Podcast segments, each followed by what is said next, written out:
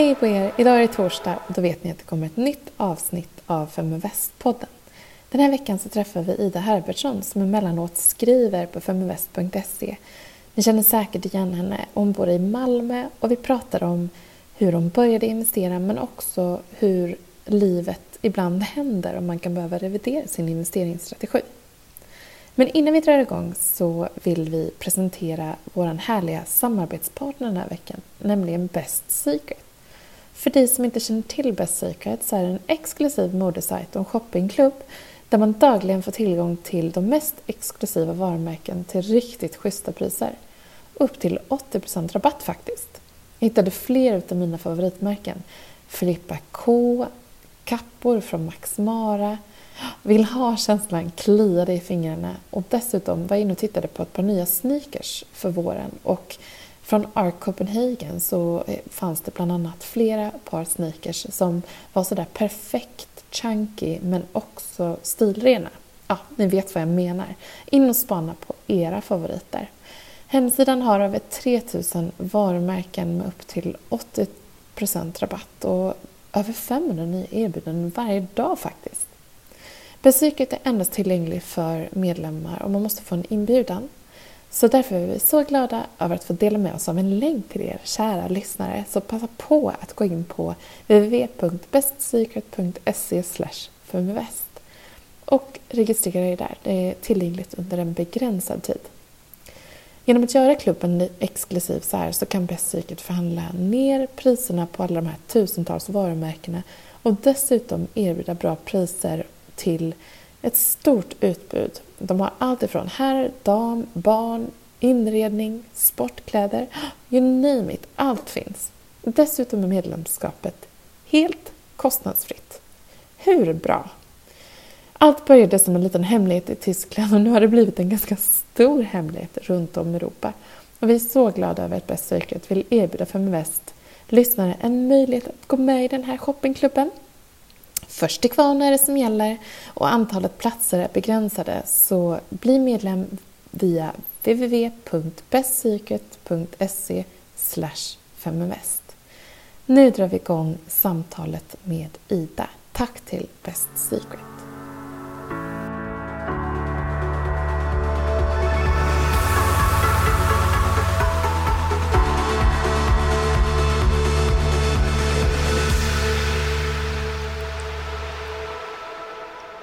Jag är superglad idag för att vi har en gäst som har kommit ifrån södra Sverige, nämligen Ida Herbertsson som ni känner igen från Feminvest hemsidan. För hon brukar ju skriva lite om hennes tankar runt sparande och det här med bland annat om att bli ekonomiskt oberoende, eller hur?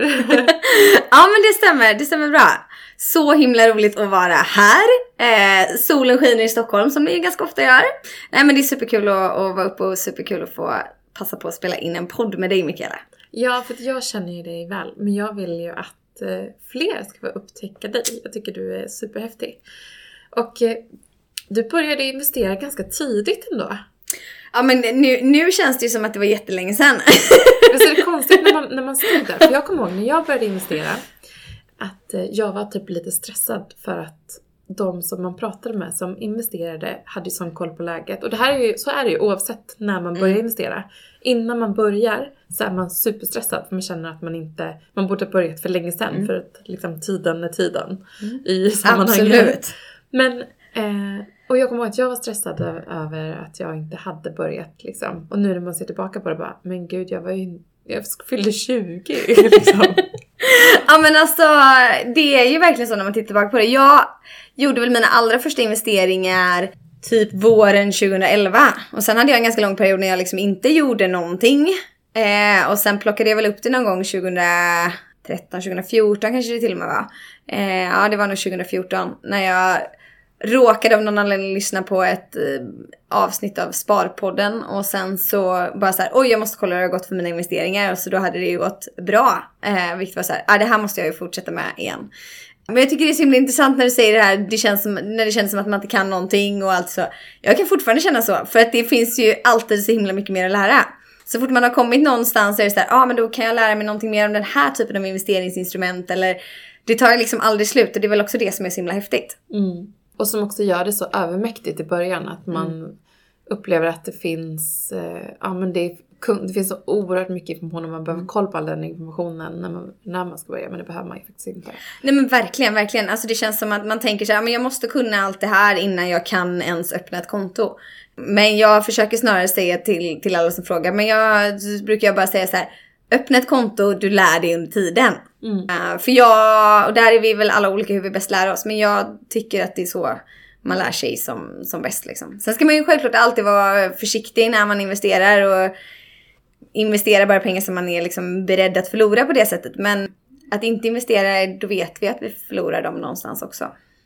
Att, Hur ja. började du då? Och vad var dina första? Eh, men jag började, det var en kompis, när, det var när jag pluggade i USA en, eh, en termin och så var det en, en eh, svensk kompis där också som eh, av någon anledning typ introducerade mig till investera i aktier och fonder. Eh, jag hade liksom inte alls med mig det hemifrån. Eh, jag vet att mamma investerade i några så här Japanfonder när jag var liten som gick riktigt dåligt så att jag hade bara så här dåliga erfarenheter av det. Men min kompis sa så här, men du borde starta ett konto på Avanza. Ja ah, okej, okay. så då gjorde jag ju det. Och så köpte jag lite aktier, jag kommer inte exakt ihåg alla, men det kanske var en typ 4-5 stycken. Men jag vet att det var bland annat H&M och ABB. Eh, resten kommer jag inte ihåg. Går ju alltid att gå in och kolla såklart. Men eh, stora svenska säkra aktier eller vad man ska säga. Så det, det, var någonstans där det började och för mig så blev det liksom att det var, blev just H&M och ABB var väl liksom en kombination av att H&M, ja men det är ett bolag jag känner till, jag förstår vad de gör. Eh, jag är själv kund. ABB, som i och med att jag pluggat till ingenjör så var det ett bolag som man såg väldigt mycket av när man pluggar till ingenjör på liksom arbetsmarknadsdagar och sånt. Så det kändes också som så här, ja men det är också ett bolag jag tror på liksom. Mm. Så där någonstans började det. För nu då jättemånga år sedan känns det som. Och eh, sen har det ju gått i perioder, jag har varit mer och mindre aktiv. Jag har ju ganska nyligen tagit liksom ett så här, sabbatsår från, eh, från livet brukar jag säga. Och mer eller mindre levt på mina sparpengar. Då har jag varit otroligt tacksam att jag har sparat för att jag kunde göra det. Efter att jag eh, jobbade en kort period på Nordnet med ett nytt spännande projekt i Malmö som lades ner ganska plötsligt. Eller plötsligt, det var, det var inte så att det var oväntat för mig en dag till en annan men det var liksom jag jobbade där ett halvår och sen fick jag gå och då bestämde jag mig för att nu ska jag ta en period i mitt liv där jag ska fundera lite vad jag vill göra härnäst. För jag, innan Nordnet så jobbade jag som managementkonsult och var väl inte helt sugen på att gå tillbaka dit. Samtidigt som att det fanns bitar jag saknade av det liksom. Så då reste jag en del, gick en yogalärarutbildning, PT-utbildning som är liksom, träningen är min andra, andra sida eller mitt stora intresse i livet. Och är så himla tacksam att jag just hade sparat pengar och investerat pengar så att jag kunde sälja en del av det och faktiskt leva på det under en period också. Mm. Men har du haft någon eh, investeringsstrategi eller har du mer gått på bolag du har haft en känsla för? Eller? Eh, jag tror det är känsla för. Jag har nog inte kanske haft så tydligt. Jag tycker inte att det är jättekul att sitta och läsa eh, årsredovisningar sida upp och sida ner. Jag kan tycka att det är ganska intressant att läsa typ vd-ordet liksom. Eh, se hur det går för bolaget och fundera över vad jag tror om det här, vad jag tror om framtiden. Och försöka till ganska stor del tänka större bolag. Jag kan väl säga att idag så har jag nog mindre aktier än vad jag haft eh, tidigare. Jag har ganska mycket fonder. Eh, därför att jag tänker att det finns andra som kan göra det här bättre än vad jag kan. Som lägger liksom större del av sin tid på det. Och då vet jag också att jag får en bra riskspridning liksom. Eh, så att jag har ganska mycket fonder i det som är mitt långsiktiga. Sen har jag en mer kortsiktig portfölj som jag swingtradar lite i. Och det är mycket för att det är roligt. Eh, tittar man på liksom 2019 som var ett jättebra börsår så är jag, nu har jag inte koll på siffrorna exakt men jag är ganska säker på att den, min liksom kortsiktiga portfölj gick något sämre än vad liksom min långsiktiga gjorde och då har jag ändå lagt väldigt mycket mer tid på min kortsiktiga. Men jag tycker fortfarande att det är roligt för att det, där handlar jag helt och hållet utifrån teknisk analys. Vilket för mig är så bra för att slippa gå på känsla överhuvudtaget. Då vet jag bara när jag ska köpa och sälja för att den här indikatorn säger ja eller nej liksom. Mm. Uh, Berätta mer om den korta portföljen, det är jättespännande. Vad, vad, vad har du, vilken typ av teknisk analys utgår du ifrån? Ja men det, det är väldigt enkelt. Det är, jag har gått en kurs som heter ST3 eh, med Tobbe Rosén och Lars Hansson. Så jag har gått eh, deras både grundutbildningen och, och fortsättningsutbildningen liksom. Eh, och där har vi fått lite strategier som vi kan använda oss av. Eh, och de bygger på liksom enkla grejer som till exempel medelvärden och liksom Bollingebandet som handlar mycket om så här. Ja, men man kan väl liksom kort, eller så här, kortfattat förklara det som att så här, när det blir en överreaktion. Mer eller mindre. Säg penningtvätten runt Ja men precis, jättebra exempel. Eh, så här, okej men nu reagerar marknaden jättemycket på den här nyheten. Aktien tappar som tusan liksom. Och så bara, ja fast har någonting egentligen förändrats i bolaget? Nej.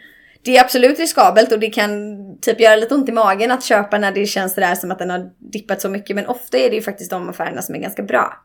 Det är också enbart liksom, eh, jag handlar enbart på... Eh, och- Jag gjorde det faktiskt Ah! nu nyligt. Mm. Jag, jag gjorde det vid Swedbank bland Mm. annat. Eh, och sen så, nu är jag även Collector. Ah! Mm. Gjorde jag det. Jätte, jättebra. Eh, Erik Selin och, eh, och Lena eh, hamnade lite i, Mm. i blåsvädret på, bland tidningsrubrikerna och kursen havererade med det. Men jag tror på dem som eh, entreprenörer och Mm. eh, var ju billigare av om du jämför deras P tal mot de andra bankerna. Ja. Och det är såklart av olika anledningar.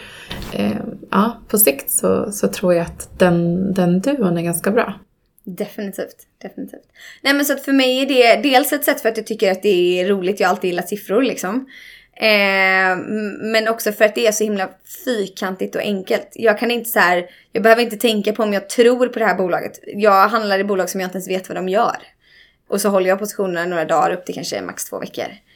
Så att det är, mm, Mm, kul! men det är väldigt roligt. Vad räknar du med för avkastning på en sån typ? Är det liksom 10% eller är det 20%? Förra året så eh, var det absolut över eh, 10%. Jag har, skulle nog sett den var, nu kommer jag inte ihåg exakt. Jag landade någonstans mellan, eh, ja men upp mot 20 eh, på den. Och jag menar då var, gick ju börsen som helhet helt fantastiskt förra året. Eh, så den, utifrån det så var ju inte det ett jättebra resultat om man, om man någonstans, om det är det man vill jämföra med. Eh, men för mig handlar det ju också lite om att bygga upp kunskap för mig själv och för att se att det här fungerar och för att jag tror på det sättet för mig att personligen handla Eh, och jag tänker väl att jag på lite längre sikt även ska låta min långsiktiga portfölj framförallt utgå från eh, teknisk analys. För att jag tycker att det fungerar. Sen vill jag alltid ha en liten del pengar, vilket jag inte har i dagsläget. Eh, eftersom att jag har använt en del av min, ganska mycket av mina sparpengar. Men ha en liten del pengar som jag lägger i bolag som jag tycker så här, det här känns bara jätteroligt. Jag tror på den här affärsidén. Som är så här, det är liksom 50-50 om det kommer lyckas överhuvudtaget. Men någonstans för att så här, det ger mig energi. Eh, och, och för att det är roligt att få vara med och liksom bidra till den resan på något sätt.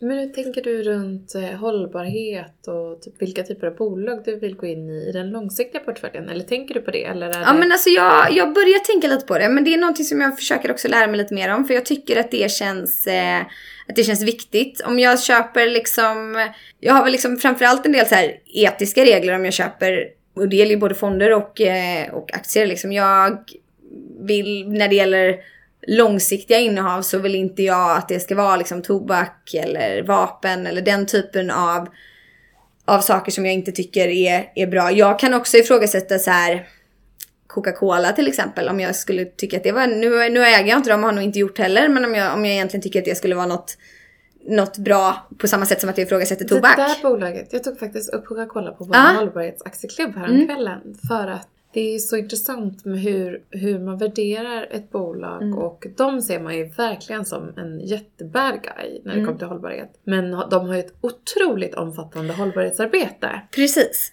Och det är ju det som, det är det, därför hållbarhetsfrågan blir så himla komplex liksom. Och vad är det jag, jag själv värderar? Vad är det jag tycker är, tycker är viktigt? Jag kan ju känna att så här, ja men Coca-Cola de, de är en jättestor arbetsgivare också så att de är väldigt viktiga för väldigt många. Och de har ett omfattande hållbarhetsarbete. Men de tillverkar produkter som jag kanske inte kan tycka att vi behöver. Men jag är ju, jag dricker ju jättemycket Coca-Cola. Ja, och, och- jag älskar godis. Alla som känner Ja. vet att, att jag är en riktig godisråtta. Men alltså det är ju också, jag, eh, jag tycker ju liksom att det är jättegott. Men sen kan jag ifrågasätta om jag själv tycker att jag borde investera i det. Men med det är Nej, inte jag sagt att investerar jag... inte i det, men- men, men, men med det är inte sagt att jag inte skulle göra det. Men jag tycker att det är liksom... I och för sig investerar jag i, jag har aktier i både Axfood och Ica. Ja, och Så att det är ju indirekt. indirekt har man ju det. Men jag menar samtidigt så behöver vi mat. Och jag, både ICA och Axfood är ju fantastiska bolag liksom. Så att men det är liksom, det är det som jag tycker är det svåra med hållbarhet. Att det är inte svart eller vitt. Och någonstans får man väl lite utgå från, från sig själv och försöka göra skillnad. Och man har väl också sett att hållbara investeringar är ett otroligt viktigt sätt att faktiskt göra skillnad liksom. Och det var det vi, vi pratade lite om det i den. För dels hade vi den aktieklubben tillsammans med Trine, Mm. Göteborgsbolaget som är det coola. Impact, Ja. Som jobbar med impact investing. Mm. Men även att man måste faktiskt skapa sig, eh, liksom, precis som man har en investeringsstrategi, Mm. en strategi för vad man tycker är hållbarhet och vilk, vi- hur mycket man tänjer på den gränsen. Mm. För att om man säger så här, okej, ja hållbarhet är viktigt, okej, hur, på vilket sätt är det viktigt? Mm. Är det viktigt på det sättet att eh, alla, jag menar, att de uppfyller EUs mänskliga rättigheter och så vidare och de här hållbarhetsmålen Mm. eh, 2030? Ja, nej men då, då är det liksom koldioxidutsläpp och så Mm. vidare, jobbar bolaget med det, eh, har en bra personal eh, Mm. handbok, Mm, eller hand om, hand om personalen Ja. och så vidare. Eh, och sen så blir det ytterligare, är det innovation som driver på Mm. en hållbar framtid, är affärsverksamheten hållbar? Precis. Och det, där kan man ju se att de etablerade bolagen på börsen ligger långt efter där. Och Mm. de, det händer ju så otroligt mycket liksom i startup-världen Gud, ja. runt att kombinera att göra affär och bidra till en Mm. hållbar värld. Mm. Eh, Så där så kommer vi se en, en transformation tror jag. Mm. När de här bolagen blir så pass stora. Liksom, Mm. De kliver in i den noterade miljön. Mm. Eh, Och det enda sättet som de här liksom, historiska bolagen kan möta det hållbara Mm. liksom, konceptet eller investeringsvärderingarna på. Det är ju genom att ta ansvar genom att klimatkompensera eller Mm. eh, Absolut. Det är väldigt få bolag egentligen som har affärsverksamheter. Ja men det är Tomra, det är liksom solenergibolag, de- eller vindenergi eller alltså den typen av Mm. bolag. Eh, Men, eh, men det kommer ju hända mycket. Ja, och det är det som är så spännande. Eh, Men, men det gör, gör, den frågan liksom med hållbarhet är jättekomplex och jätte, jättesvår. Eh, Men det här är kul, man kan ju följa i Feminvestgruppen. Jag har ju tänkt att jag ska dela, dels så har vi en utmaning att jag ska Ja, men just det! spara Mm. till 50 000 Ja. och visa liksom vad jag köper och filmar. Ja. Och där har jag tänkt att jag ska försöka få liksom en så hållbar eh, Mm. portfölj som möjligt. Och diversifiera lite och så här. Mm. Och eh, även dela med mig om hur jag resonerar. Så att Mm. in i Feminvest Facebookgruppen och följ med på den dialogen. Ja, definitivt. Det ska bli jättespännande att se. Eh, och just också för att då kan man ju höra lite hur andra tänker kring, kring hållbarhet. Eh, för att även om, eh, om bolag pratar liksom kanske vad de gör så är det ju allt det man hör är oftast ganska så här.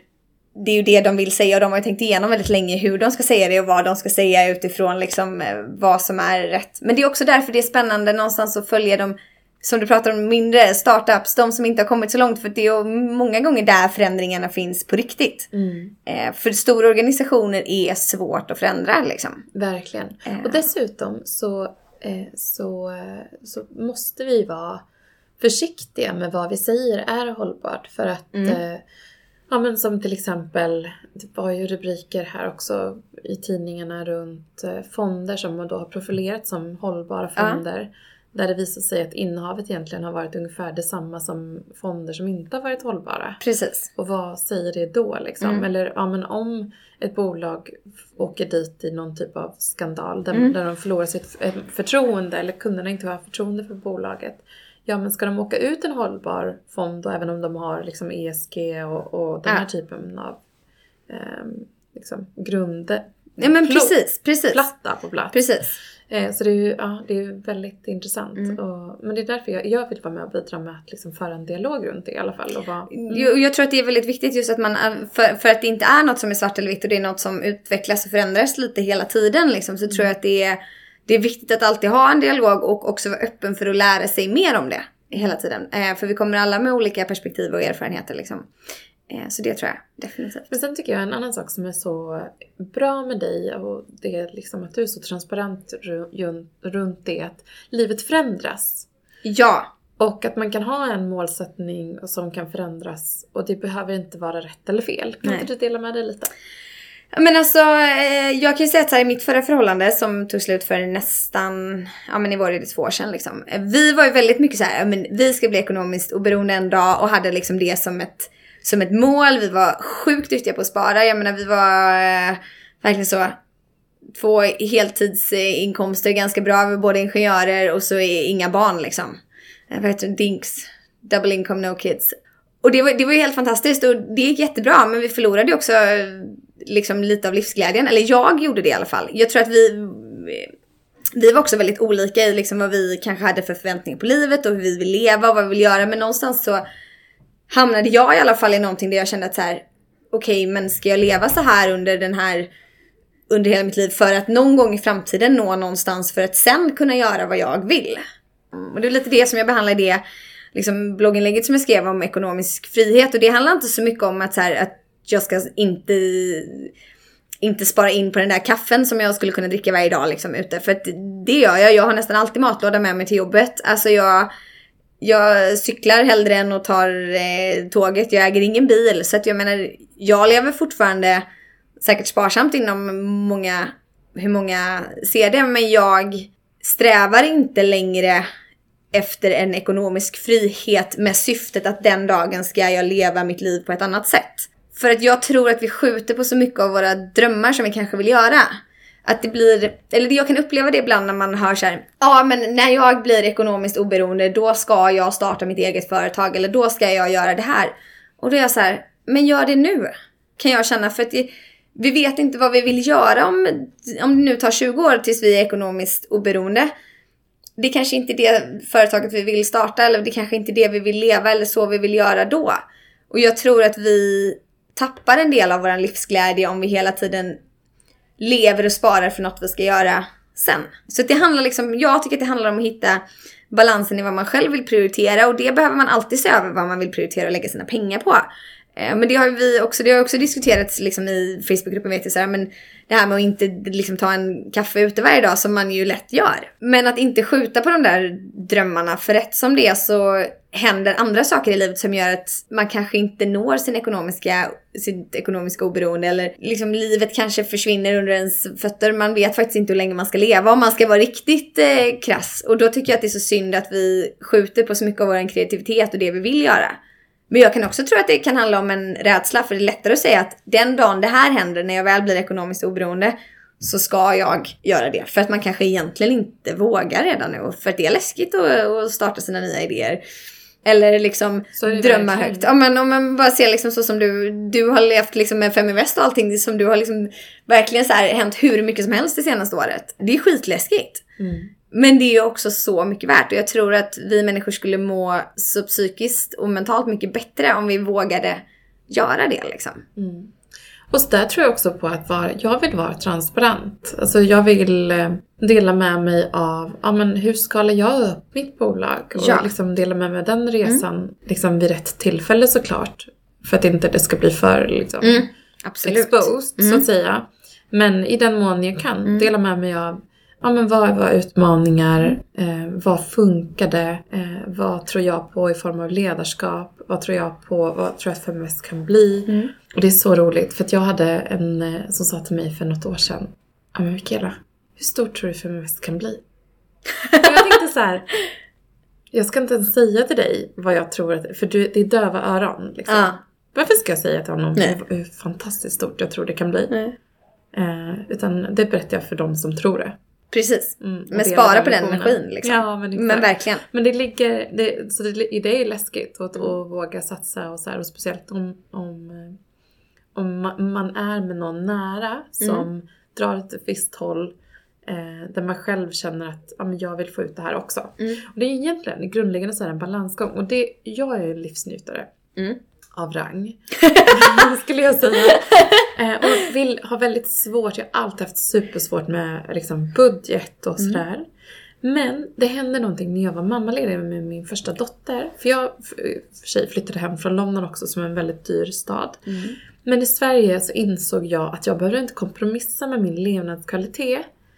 Men jag kunde fortfarande leva på det som en mammapeng gav mig. Mm. Och det här tycker jag är så intressant för idag så lever jag ungefär på den, det, det, det samma mm. som jag levde på då. Och det som jag tog ut i mammapeng. Och jag upplever ju inte att eh, jag har en sämre livskvalitet. Och jag Nej. njuter av livet. Mm. Men där, där tror jag du säger någonting som är, som är jätteviktigt. För att det finns ju de som kan ha hur mycket pengar som helst och ändå alltid upplever att de inte har några pengar kvar. Och sen finns det de som kan ha hur lite pengar som helst och ändå alltid upplever att de är hur rika som helst. I stort sett. Alltså det handlar så himla mycket om hur man väljer att se på det. Och där handlar det också om så här, vad väljer jag att prioritera? Vad vill jag? Vad tillför faktiskt något värde i mitt liv? Vad tillför livs, kvalitet och det kommer inte vara samma sak som det för alla mina vänner. För att för en del så är det ju att gå och köpa en väska för 10 000. För mig så känner jag bara så här, oj det kan jag åka på en surfresa för. Och jag menar, då prioriterar jag det. Mm. Och för någon annan så handlar det kanske om att men jag vill spara alla de här pengarna. Men, men att hela tiden så fundera över vad, vad är faktiskt viktigt för mig om ingen annan får, får lov att säga till om vad som är viktigt. Och hitta balansen, det är klart att det är jätteviktigt och bra att spara och det, det tycker jag absolut att alla ska göra så länge man har möjligheten liksom. Men att också våga satsa på liksom det man vill göra i livet. Mm. På de där stora drömmarna som kanske kostar lite pengar och inte, inte vänta 20 år med att resa jorden runt om man faktiskt kan göra det om fem år. Men gör det om fem år. Ta ledigt från jobbet om du har möjligheten. Jag säger inte att alla har det för jag vet att det har jätteolika förutsättningar. Men hitta liksom vad du vill prioritera, hitta ditt mål och bara för att du skulle bli ekonomiskt oberoende om 20 år och du känner att livet är lite sådär nu så är det tveksamt om livet kommer kännas helt fantastiskt bara för att man blir ekonomiskt oberoende. För att det sitter inte i det liksom. Mm. Men jag inser också så här, när man liksom ser på, när man börjar jobba med sparande och med ekonomi och då blir man ju så här, man försöker lägga undan väldigt mycket. Mm. Jag, och jag inser ju att när man kollar på statistik om hur mycket man sparar ja. så sparar ju gemene man väldigt lite egentligen. Ja, absolut. Jag skulle tro liksom att det kanske rör sig om några hundralappar mm. upp till en tusenlapp i mm. månaden för gemene Svensson. Mm. Eh, men hur tänker du där runt liksom, ja, med buffert eller hur, hur fördelar du ditt, eh, ditt sparade men, investeringar? Nu har det ju i och med att nu liksom så här efter att jag har kommit tillbaka och nu börjar typ få en eh, heltidslön igen. För det har ändå tagit sin period och det är också någonting som jag har valt och varit sjukt tacksam över att jag haft den möjligheten. Alltså det är verkligen, har varit guld värt för mig. Eh, att kunna göra det. Men det har inte alltid varit lätt för det liksom. Men jag tänker väl så här, jag har ganska lite i buffert.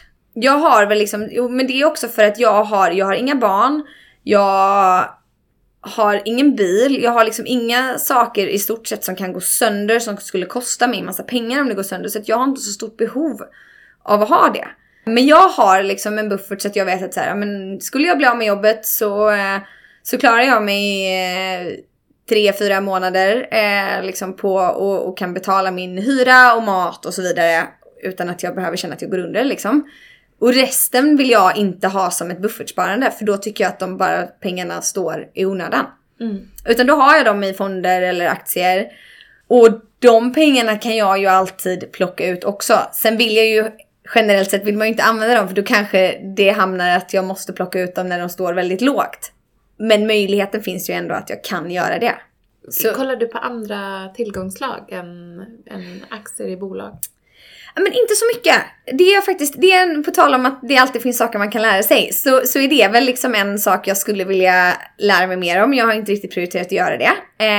Um, så, så det hade jag absolut eh, velat göra men jag kan inte så himla mycket om det. Så det, har jag inte, det har jag inte riktigt gjort. Men jag vet ju att det finns ju många som liksom, ja men råvaror som eh, guld eller bomull eller vad det nu finns mer man kan handla i. Och sen så finns det ju en himla massa mer komplexa produkter också. Ja men kopplat till bitcoin eller liksom andra kryptovalutor som man ju också kan, kan använda sig av. Och det är någonting som jag skulle se som jag skulle kunna kanske mer nu till en början för att lära mig. Om jag ska liksom leva som jag lär så handlar det om att jag ska faktiskt sätta in lite pengar i den typen av tillgångslag. För att också på något sätt tvinga mig själv att, att lära mig. Så det, det är väl lite så här ett mål att göra under 2020, lära mig lite mer om andra typer av tillgångslag och känna att jag kan förstå dem lite bättre också. Mm. Ja, det är väldigt kul. Och sen mm. jag försöker ändå ha lite allokerat för en, ja men från en diversifieringssynpunkt mm. och speciellt nu när börsen ändå börjar bli ganska dyr ja. och gått upp väldigt Absolut. länge. Och det är lite ostabilt mm. liksom. Bland, både bland företag mm. och politiskt. Mm. Eh, så känns det bra att ha lite. Så jag har faktiskt väldigt nyligt, jag har inte haft räntefonder Nej. på länge, länge. Men jag har börjat köpa lite räntefonder mm, mm. bland annat. Så att, eh, ja. Ja men det är, det är alltid bra och det är ju så, det finns ju alltid, alltid mer att, att, att lära sig liksom. Och, där, och det kanske också kan vara så att, ja men som du säger, börsen är ganska dyr. Är det kanske nu man bör sälja av någonting för att sen passa på om det dippar väldigt mycket igen. Men så kan man också fråga sig, okej okay, men hur lång är min sparhorisont? Är det värt att sälja för att kanske köpa?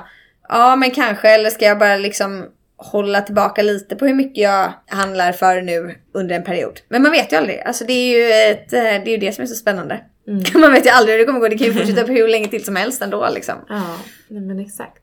Och det gäller att veta. Men hur är du som, är du risktagare? Så lite både och. Jag, jag, tror att jag vill tänka att jag är ganska mycket av en risktagare och jag är, jag, jag, är nog det på, på, på vissa sätt. Och så här, jag menar, hoppa, på, på, det sättet att jag gärna hoppar på saker eller så här, min chef sa hon bara, jag kan bara kasta vad som helst på dig, du bara, du bara gör det liksom. Och jag tror att, jag bara oj, ja, det har jag inte ens reflekterat över. Men när det gäller mina investeringar.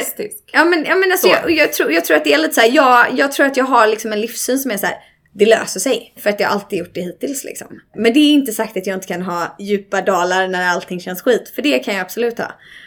Men, men jag tror också att jag är så här, det kanske har med åldern att göra, men jag har nog också blivit lite mer så här. okej okay, men den största, om jag ska verkligen ta, om jag vill se långsiktigt på det, för min egen del så är kanske det bästa att, att jag sätter det i fonder, vilket är inte så hög risk skulle jag säga. Eh, sen är det klart att en del, och då är liksom aktiefonder, en del skulle ju fortfarande säga att det är en hög risk. Men hög risk för mig skulle snarare vara att köpa så här ganska illikvida mindre bolag liksom. Som, där hälften kommer gå i konkurs. Eller typ köpa råvaror eller andra investeringsinstrument som jag inte förstår mig på. Det tycker jag blir en hög risk. Mm. Så det är klart att jag har, jag kan absolut ta ta risker. Men jag har också en viss liksom, trygghet i mitt sparande för jag någonstans har insett att här, ja, men det är då jag kommer få den bästa avkastningen. Liksom. Mm. Sen är du ytterligare en, ett intressant, eller en del av den tiden du spenderar varje dag är ju på Mink i Malmö. Ja, det stämmer. Vad ser du för trender bland de onoterade bolagen? Vad poppar upp? Oj! Eh, gud, så spännande fråga. Eh, Mink är ju Malmös inkubator och det är ju superspännande att jobba där. Jag jobbar med våra ängelinvesterarbolag. Eh, så det är privata investerare tillsammans med Saminvest som investerar i eh, i våra bolag i inkubatorn och acceleratorn. Och vad jag ser för trender, den var, den var svår. Jag tycker det är, det är en väldigt, väldigt mix. Det är en hel del inom fintech. Vi har, vi hade ett, vi har ett bolag som har varit med i vår accelerator som, eh, som heter Eversen som var med och vann pitch-tävlingen på Slush som är ett väldigt stort startup-event eh, i Finland. Eh, och de jobbar ju liksom med att tillgängliggöra bank till, eh, till länder i Afrika där det inte alls är så här, där är det inte lika självklart att du har en bank som du kan gå till. Eller att du har ett bankkonto överhuvudtaget liksom. Det tycker jag är jättespännande när man jobbar liksom så mycket bredare. Precis som, som Trine pratar liksom om impact investment investing. Där är det, det, det är ju någonstans lite samma sak också. Det händer mycket inom eh, mat. Vi har ett jätteannat spännande bolag som jobbar med köttsubstitut. Hela vegantrenden är ju liksom jättestark. Eller vegan och vegetarisk trenden. Vi jobbar med att ta fram ett mat ur lupinbönor som också då kan odlas i Sverige och i Europa jämfört med soja som bara kan odlas eh, generellt sett i Amerika. Lupinbönor, jag har inte hört talas om det. Nej men alltså det är, du vet lupinblommor. Ja. Fast det är en annan sort av eh, lupiner så att det blir som, så att det är bönor så att då kan man liksom tillverka tempe och de, som de tillverkar av det då. Så att eh, det är superhäftigt. Mm. Och sen är det klart att det finns en mängd olika bolag med olika typer av liksom SAS-lösningar, software as a service. En bransch som är väldigt långt ifrån digitaliseringen. Där har vi några bolag som jobbar med, men det är hela um, building and construction. Vi har två jättegrymma entreprenörer som jobbar med en, um, en plug-in för arkitekter för att göra de repetitiva uppgifterna som de gör mer enklare och liksom att de kan skapas genom simuleringar och AI. Så att arkitekter istället kan liksom ägna sig mer åt den kreativa delen. Mm -hmm. Så det håller de på att utveckla för att liksom eh, effektivisera hela den branschen och där finns ju typ enormt mycket pengar att spara. Uh, så det är väl några branscher. Mer? mer Håll, inom hållbarhet då? Du har ju lupinbönor. Ja men de, det är absolut en uh, hållbarhet och just hela det här um, vi har även... Och Afrika också. Ja, och även, även just hur mycket som kan effektiviseras i genom digitalisering inom liksom byggbranschen kan skapa otroligt mycket. Sen ser vi också mycket mot liksom eh, Erik Sprinkman, han skrev ju faktiskt en krönika på Fem Väst för ett par veckor sedan om just det med att eh, nu, så mm. första gången så ser vi att eh, efter industrialiseringen så har liksom vårt behov av att nyttja resurser mm. ökat i samma takt som, som vi har liksom mm industrier som tillkommer. Mm. Men nu att man ser att resurs, min, resursanvändandet minskar på grund av att Ah, innovation mm. förändrar att vi inte behöver Nej. så mycket Det är resurser som vi haft så tidigare. häftigt. Och det är Eller mycket det som, som liksom de här små startupsen som de faktiskt kan liksom tillgängliggöra.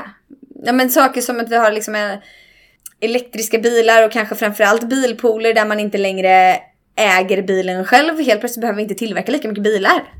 Det är fantastiskt om vi kan dela på liksom och det gäller generellt liksom hela delningsekonomin är ju någonting som växer större och större. Att vi delar på de resurser som vi har för att man behöver inte hur mycket som helst.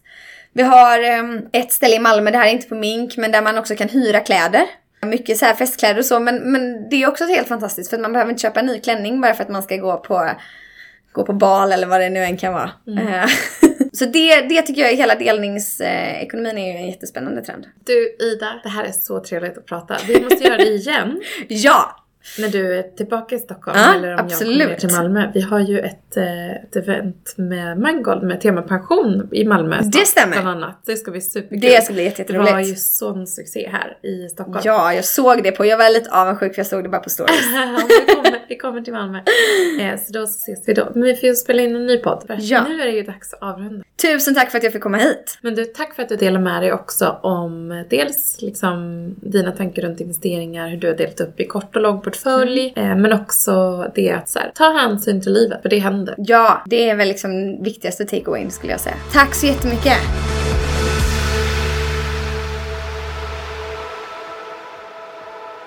Feminvest är Sveriges största investeringsnätverk för tjejer. Vi vill att allt fler ska våga äga och förvalta. Och hur gör vi då detta? Jo, vi vill inspirera, utbilda och utmana runt ägande, investeringar och entreprenörskap. Följ Feminvest på våra kanaler Facebook, Instagram, Youtube. Varje vecka så kommer vi även ut med en podd och du kan ju självklart även följa nyheterna som publiceras på feminvest.nu. Det är bara att söka på Feminvest på samtliga kanaler så hittar du till oss.